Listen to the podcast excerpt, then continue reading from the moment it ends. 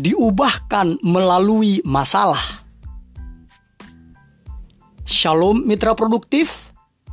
Jumpa lagi dengan saya, Pastor Tommy Ringo di Tahta Daud Channel dan podcast produktif dalam program 50 episode kehidupan yang dikendalikan oleh tujuan yang alkitabiah.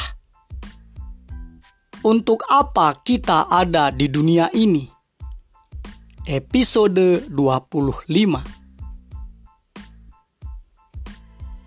Sebelum kita belajar bersama dan memulai perjalanan rohani yang mengasyikkan ini, mari kita memperkatakan dan merenungkan firman Allah yang tertulis dalam surat 2 Korintus 4 ayat 17 yang berkata,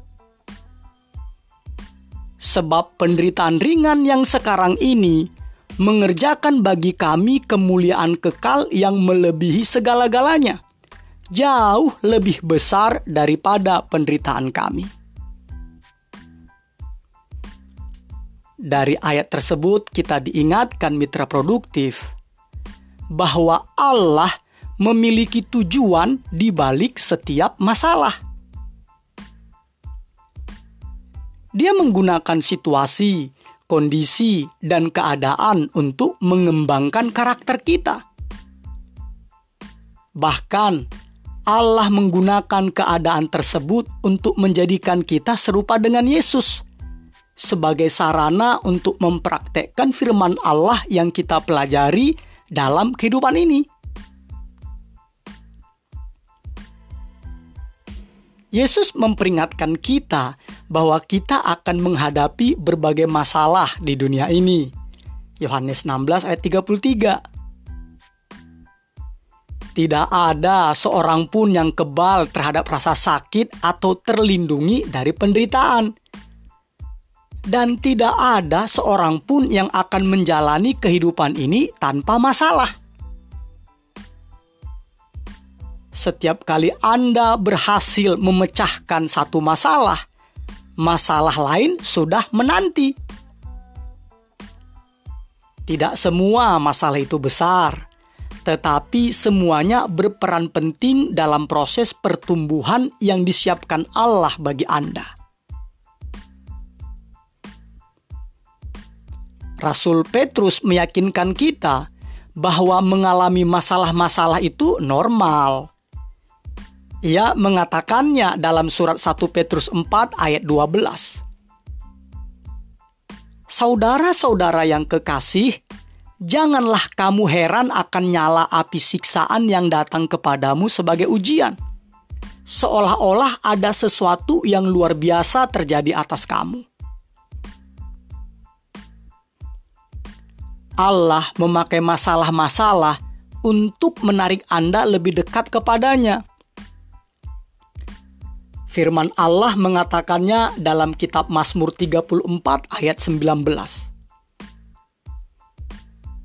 Tuhan itu dekat kepada orang-orang yang patah hati, dan Ia menyelamatkan orang-orang yang remuk jiwanya.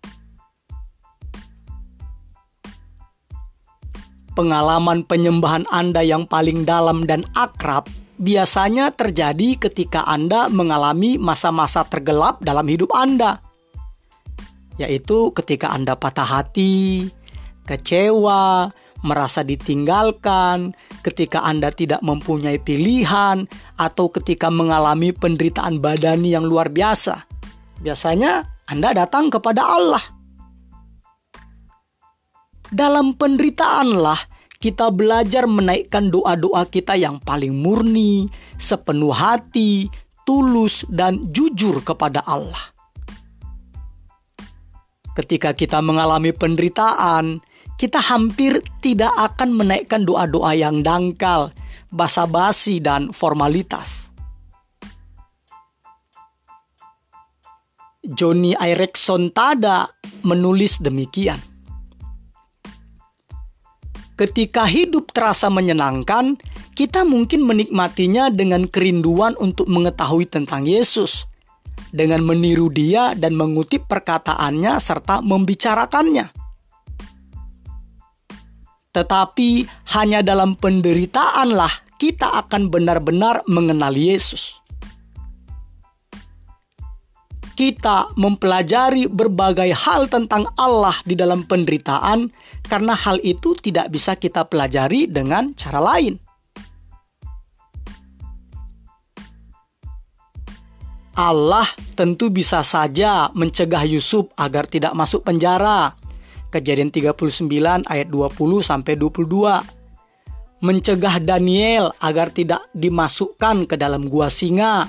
Daniel 6 ayat 16 sampai 23. Mencegah Yeremia agar tidak dimasukkan ke dalam perigi. Yeremia 38 ayat 6 mencegah Paulus agar tidak mengalami kapal karam sampai tiga kali. 2 Korintus 11 ayat 25 dan mencegah Sadrak, Mesak, dan Abednego agar tidak dicampakkan ke dalam perapian yang menyala-nyala. Daniel 3 ayat 1 sampai 26. Tetapi Allah tidak melakukannya. Allah membiarkan masalah-masalah tersebut terjadi, dan sebagai hasilnya, setiap mereka masing-masing ditarik semakin dekat kepada Allah. Masalah-masalah mendorong kita untuk memandang kepada Allah dan bergantung padanya, dan bukan pada diri kita sendiri. Paulus memberikan kesaksian tentang hal ini dalam surat 2 Korintus 1 ayat 9. Bahkan kami merasa seolah-olah kami telah dijatuhi hukuman mati. Tetapi hal itu terjadi supaya kami jangan menaruh kepercayaan pada diri kami sendiri, tetapi hanya kepada Allah yang membangkitkan orang-orang mati. Anda tidak akan pernah tahu bagaimana. Sekali lagi saya ulang ya. Anda tidak akan pernah tahu bahwa Allah lah satu-satunya yang Anda butuhkan sampai Anda menyadarinya bahwa hanya dialah yang Anda miliki. Sekali lagi saya katakan ya, Anda tidak akan pernah tahu bahwa Allah lah satu-satunya yang Anda butuhkan sampai Anda menyadari bahwa hanya Dialah yang Anda butuhkan. Apa pun penyebabnya, tidak ada satupun masalah yang bisa terjadi tanpa seizin Allah. Injil Lukas 12 ayat 6 sampai 7. Segala sesuatu yang terjadi atas seorang anak Allah sudah disaring oleh Bapa sehingga tidak melebihi kekuatan manusia.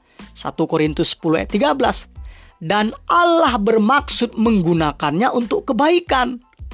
Walau iblis dan orang lain memakainya untuk keburukan atau kejahatan. Karena Allah adalah pemegang kendali tertinggi, kecelakaan-kecelakaan hanyalah insiden-insiden dalam rencana kebaikan dari Allah bagi Anda. Karena setiap hari dari kehidupan Anda sudah tertulis pada kalender Allah sebelum Anda dilahirkan. Mazmur 139 ayat 16.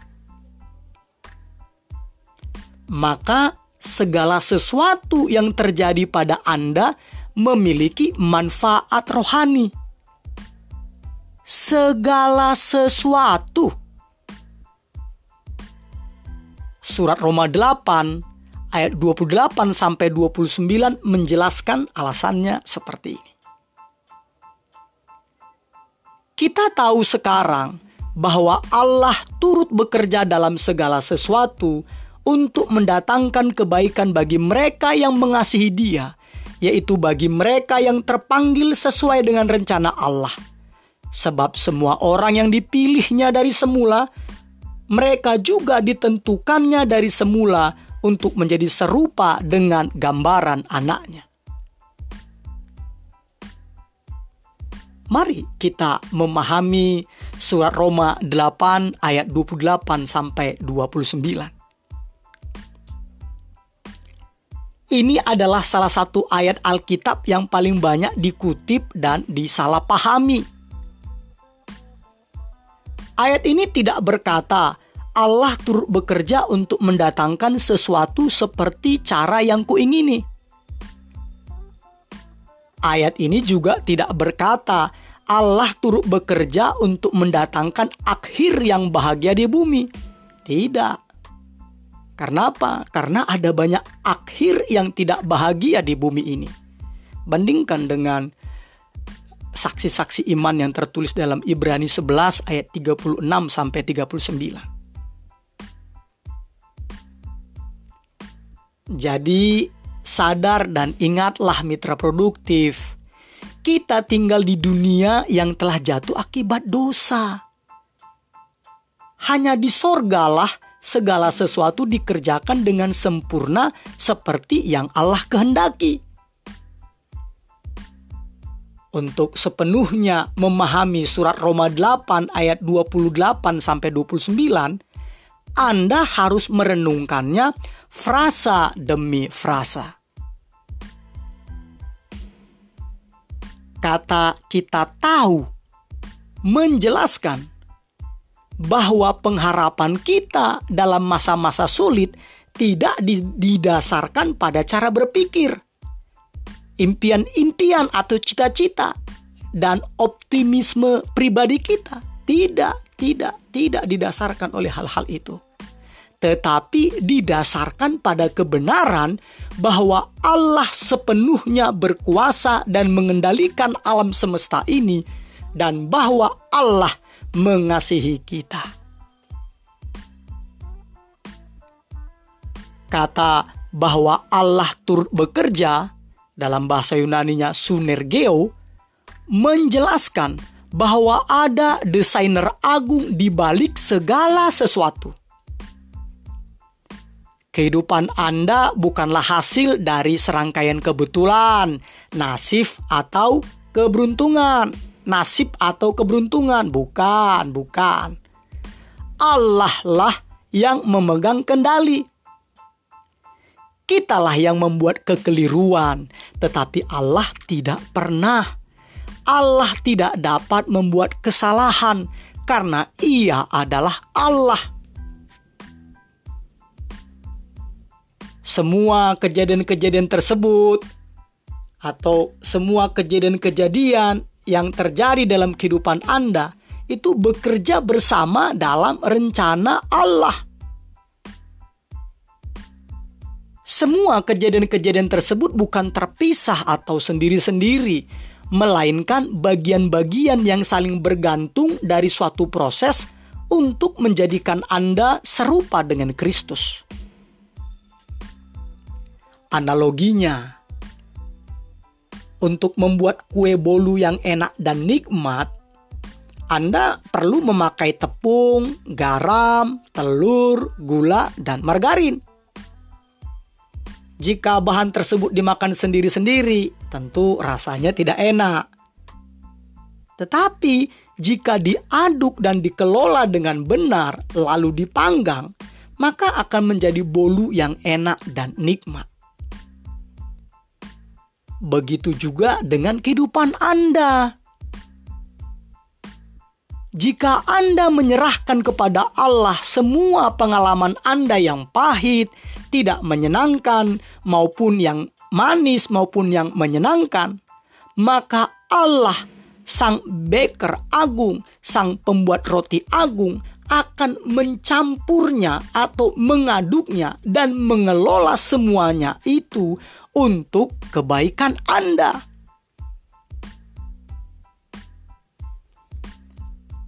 Kata dalam segala sesuatu menjelaskan bahwa rencana Allah untuk kehidupan Anda mencakup semua hal yang terjadi kepada Anda termasuk luka-luka Anda, sakit penyakit, hutang, musibah, perceraian, kematian orang-orang yang dikasihi, kesalahan-kesalahan, dan bahkan dosa-dosa Anda. Allah dapat membawa kebaikan dari kepahitan yang paling buruk. Ia melakukannya di Kalvari Yesaya 53 ayat 4 sampai 5, 1 Petrus 2 ayat 24. Kata untuk mendatangkan kebaikan menjelaskan bahwa ini tidak berarti bahwa segala sesuatu dalam hidup ini baik-baik saja. Banyak yang terjadi dalam hidup ini sifatnya jahat dan buruk tetapi Allah adalah spesialis dalam mendatangkan kebaikan dari semua kejahatan itu. Lihat saja silsilah Yesus dalam Injil Matius 1 ayat 1 sampai 16. Di situ tertulis ada Tamar yang tidur dengan mertuanya untuk mendapatkan keturunan. Ada Rahab, seorang pelacur atau perempuan sundal. Ada Ruth yang bukan seorang Yahudi dan melanggar hukum dengan menikahi seorang Yahudi. Ada Batsheba yang berselingkuh dengan Daud sehingga suaminya mati terbunuh Semuanya ini bukanlah reputasi yang baik, tetapi Allah mendatangkan kebaikan dari semua yang jahat, dan Yesus datang melalui garis keturunan mereka. Kata bagi mereka yang mengasihi Dia, yaitu bagi mereka yang terpanggil, menjelaskan bahwa janji ini hanya berlaku untuk anak-anak Allah tidak untuk semua orang. Kata sesuai dengan rencana Allah menjelaskan rencananya. Apa itu? Rencana Allah adalah agar kita menjadi serupa dengan gambaran anaknya. Roma 8 ayat 29. Segala sesuatu yang Allah izinkan terjadi di dalam kehidupan Anda diizinkan untuk itu, yaitu untuk menjadikan kita serupa dengan gambaran anaknya.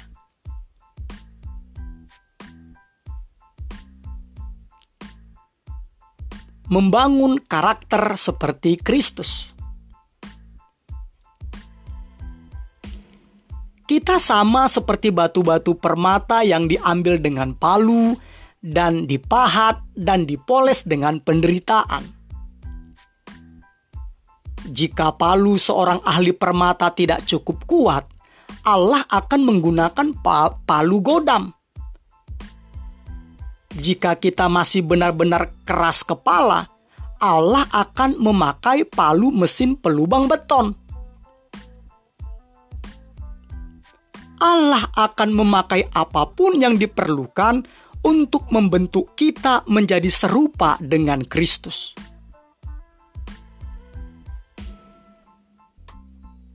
Mitra produktif, setiap masalah adalah kesempatan untuk membentuk karakter.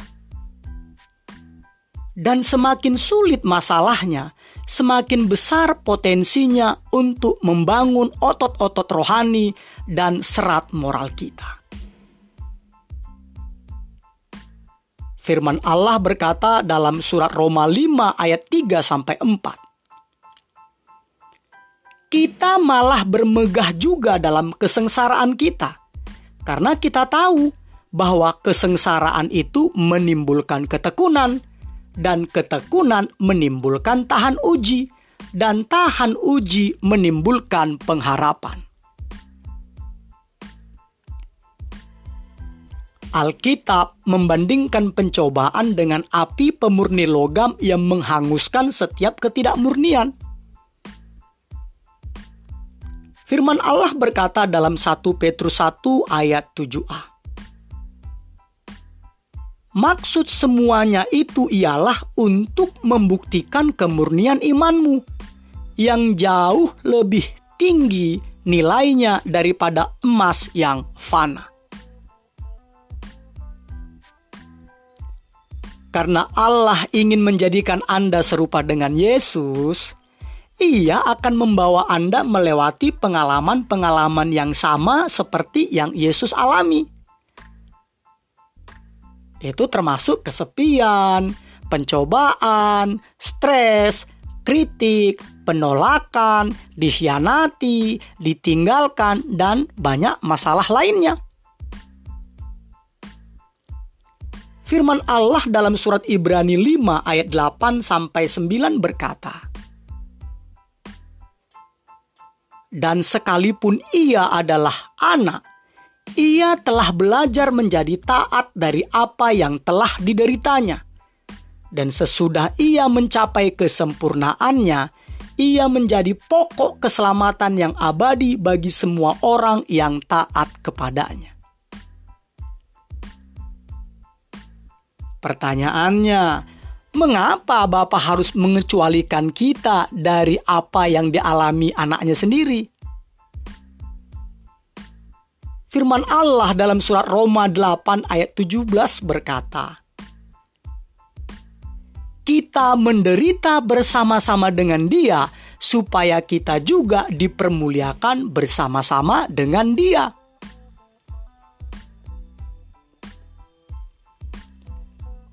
Menanggapi setiap masalah sama seperti Yesus menanggapinya. Masalah-masalah tidak secara otomatis menghasilkan apa yang Allah kehendaki.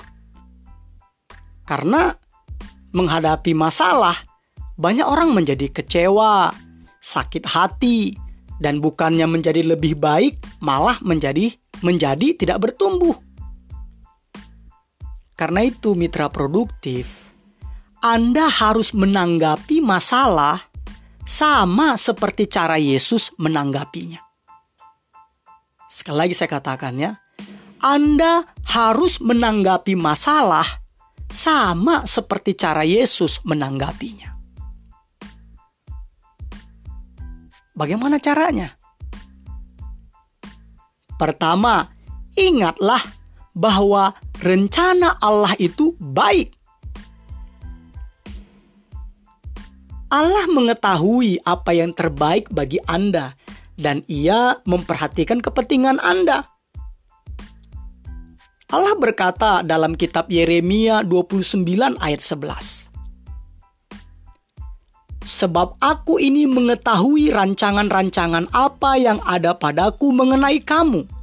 Demikianlah firman Tuhan, yaitu rancangan damai sejahtera dan bukan rancangan kecelakaan. Untuk memberikan kepadamu hari depan yang penuh harapan. Yusuf memahami kebenaran ini pada saat dia memberitahukan saudara-saudaranya yang telah menjualnya dalam perbudakan. Seperti yang tertulis dalam Kejadian 5 Kejadian 50 ayat 20. Memang kamu telah mereka-rekakan yang jahat terhadap aku, tetapi Allah telah mereka-rekakannya untuk kebaikan. Raja Hiskia menyuarakan perasaan yang sama tentang penyakit yang mengancam nyawanya, seperti yang tertulis dalam kitab Yesaya 38 ayat 17. Sesungguhnya penderitaan yang pahit menjadi keselamatan bagiku. Jadi mitra produktif, kapan pun Allah mengatakan tidak, untuk meringankan atau melepaskan beban Anda. Ingatlah firman Allah yang tertulis dalam Ibrani 12 ayat 10. Dia menghajar kita untuk kebaikan kita, supaya kita beroleh bagian dalam kekudusannya.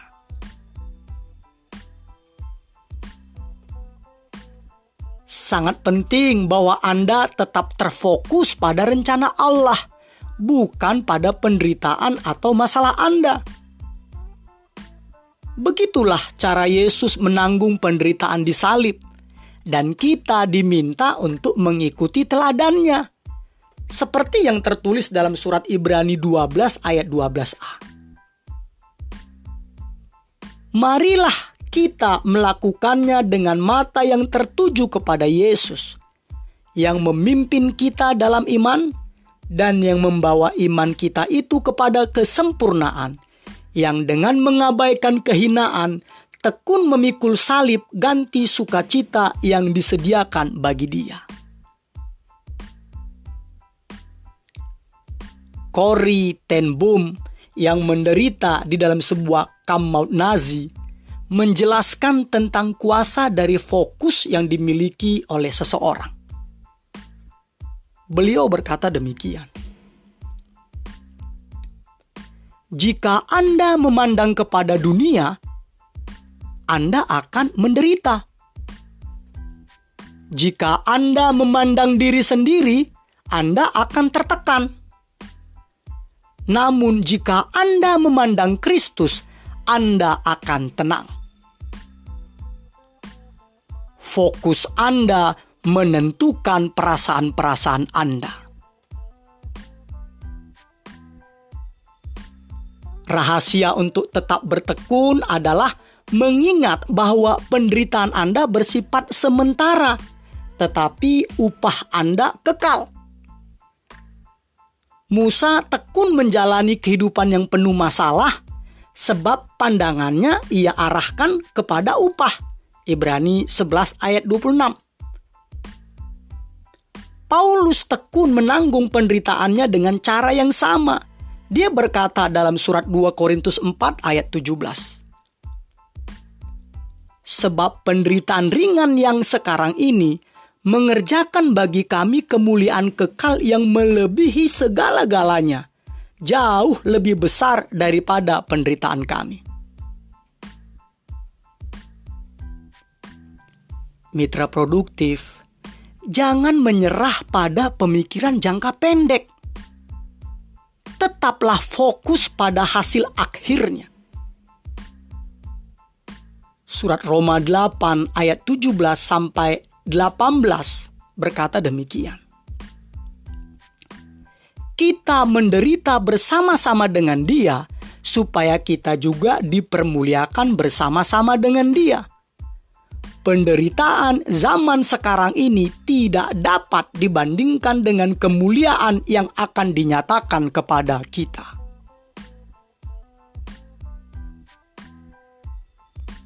Kedua, bersuka cita dan mengucap syukurlah. Firman Allah dalam 1 Tesalonika 5 ayat 18 menyuruh kita untuk mengucap syukurlah dalam segala hal. Sebab itulah yang dikehendaki Allah di dalam Kristus Yesus bagi kamu. Bagaimanakah itu mungkin dilakukan? Perhatikan bahwa Allah menyuruh menyuruh kita untuk mengucap syukur dalam segala hal, bukan atas segala hal. Allah tidak meminta Anda bersyukur atas kejahatan, atas dosa, atas penderitaan, atau atas akibat-akibat menyakitkan dari hal-hal tersebut di dalam dunia. Sebaliknya, Allah ingin Anda mengucap syukur kepadanya karena Allah akan memakai masalah-masalah Anda untuk menggenapi tujuan-tujuannya. Firman Allah dalam surat Filipi 4 ayat 4 mengatakan, Bersukacitalah senantiasa dalam Tuhan. Sekali lagi kukatakan, bersukacitalah. Alkitab tidak mengatakan bersukacitalah atas penderitaanmu. Itu merupakan penyakit, yaitu masokisme, kepuasan yang diperoleh dari penderitaan. Anda bersukacita dalam Tuhan, tidak peduli apa pun yang terjadi. Anda dapat bersukacita di dalam kasih, pemeliharaan, perhatian, hikmat, kuasa, dan kesetiaan Allah. Kita juga dapat bersuka cita karena mengetahui bahwa Allah menyertai kita dalam penderitaan kita. Kita bukan melayani Allah yang jauh dan acuh tak acuh, yang mengucapkan kata-kata klise yang membesarkan hati hanya dari pinggir lapangan yang aman. Sebaliknya, Allah masuk ke dalam penderitaan kita. Yesus melakukannya di dalam inkarnasi Allah yang menjadi manusia. dan rohnya melakukan itu di dalam kita sekarang. Allah tidak akan pernah meninggalkan kita sendirian. Haleluya. Ketiga, menolak untuk menyerah. Bersabar dan bertekunlah mitra produktif. Firman Allah dalam surat Yakobus 1 ayat 3 sampai 4 mengatakan, Sebab kamu tahu bahwa ujian terhadap imanmu itu menghasilkan ketekunan. Dan biarkanlah ketekunan itu memperoleh buah yang matang, supaya kamu menjadi sempurna dan utuh dan tak kekurangan suatu apa pun. Mitra produktif, pembentukan karakter merupakan proses yang lambat setiap kali kita berupaya menghindari atau melarikan diri dari kesulitan di dalam kehidupan, kita memotong proses tersebut, menunda pertumbuhan kita, dan akan berakhir dengan jenis penderitaan yang lebih parah karena menolak dan menghindarinya. Bila Anda memahami konsekuensi, konsekuensi kekal dari pengemang dari pengembangan karakter Anda, maka Anda akan lebih jarang menaikkan doa, doa memuaskan diri. Contohnya, tolong Tuhan supaya aku merasa nyaman. Anda akan lebih banyak menaikkan doa-doa, bentuklah aku. Pakailah peristiwa ini untuk menjadikanku lebih serupa dengan engkau ya Bapak.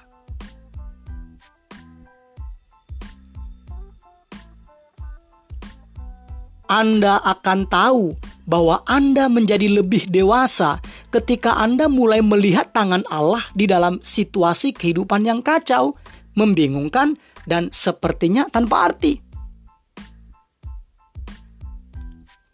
Mitra produktif, jika Anda sedang menghadapi penderitaan sekarang, jangan bertanya, "Mengapa aku mengalami penderitaan ini?" Tetapi bertanyalah, apa yang engkau ingin aku pelajari ya Tuhan? Kemudian, percayalah kepada Allah dan tetap melakukan apa yang benar. Surat Ibrani 10 ayat 36 berkata, Sebab kamu memerlukan ketekunan, supaya sesudah kamu melakukan kehendak Allah, kamu memperoleh apa yang dijanjikan itu. Jangan menyerah, bertumbuhlah mitra produktif. Episode 25 Berpikir dan merenungkan tujuan hidup saya. nilai-nilai atau prinsip-prinsip yang harus kita pikirkan dan renungkan. Ada suatu tujuan di balik setiap masalah. Ayat untuk diingat Roma 8 ayat 28. Kita tahu sekarang bahwa Allah tur bekerja dalam segala sesuatu untuk mendatangkan kebaikan bagi mereka yang mengasihi Dia, yaitu bagi mereka yang terpanggil sesuai dengan rencana Allah. Pertanyaan untuk dipikirkan dan didiskusikan. Masalah apakah dalam kehidupan saya yang telah menyebabkan pertumbuhan rohani terbesar di dalam diriku? Immanuel, Allah menyertai kita mitra produktif. Amin.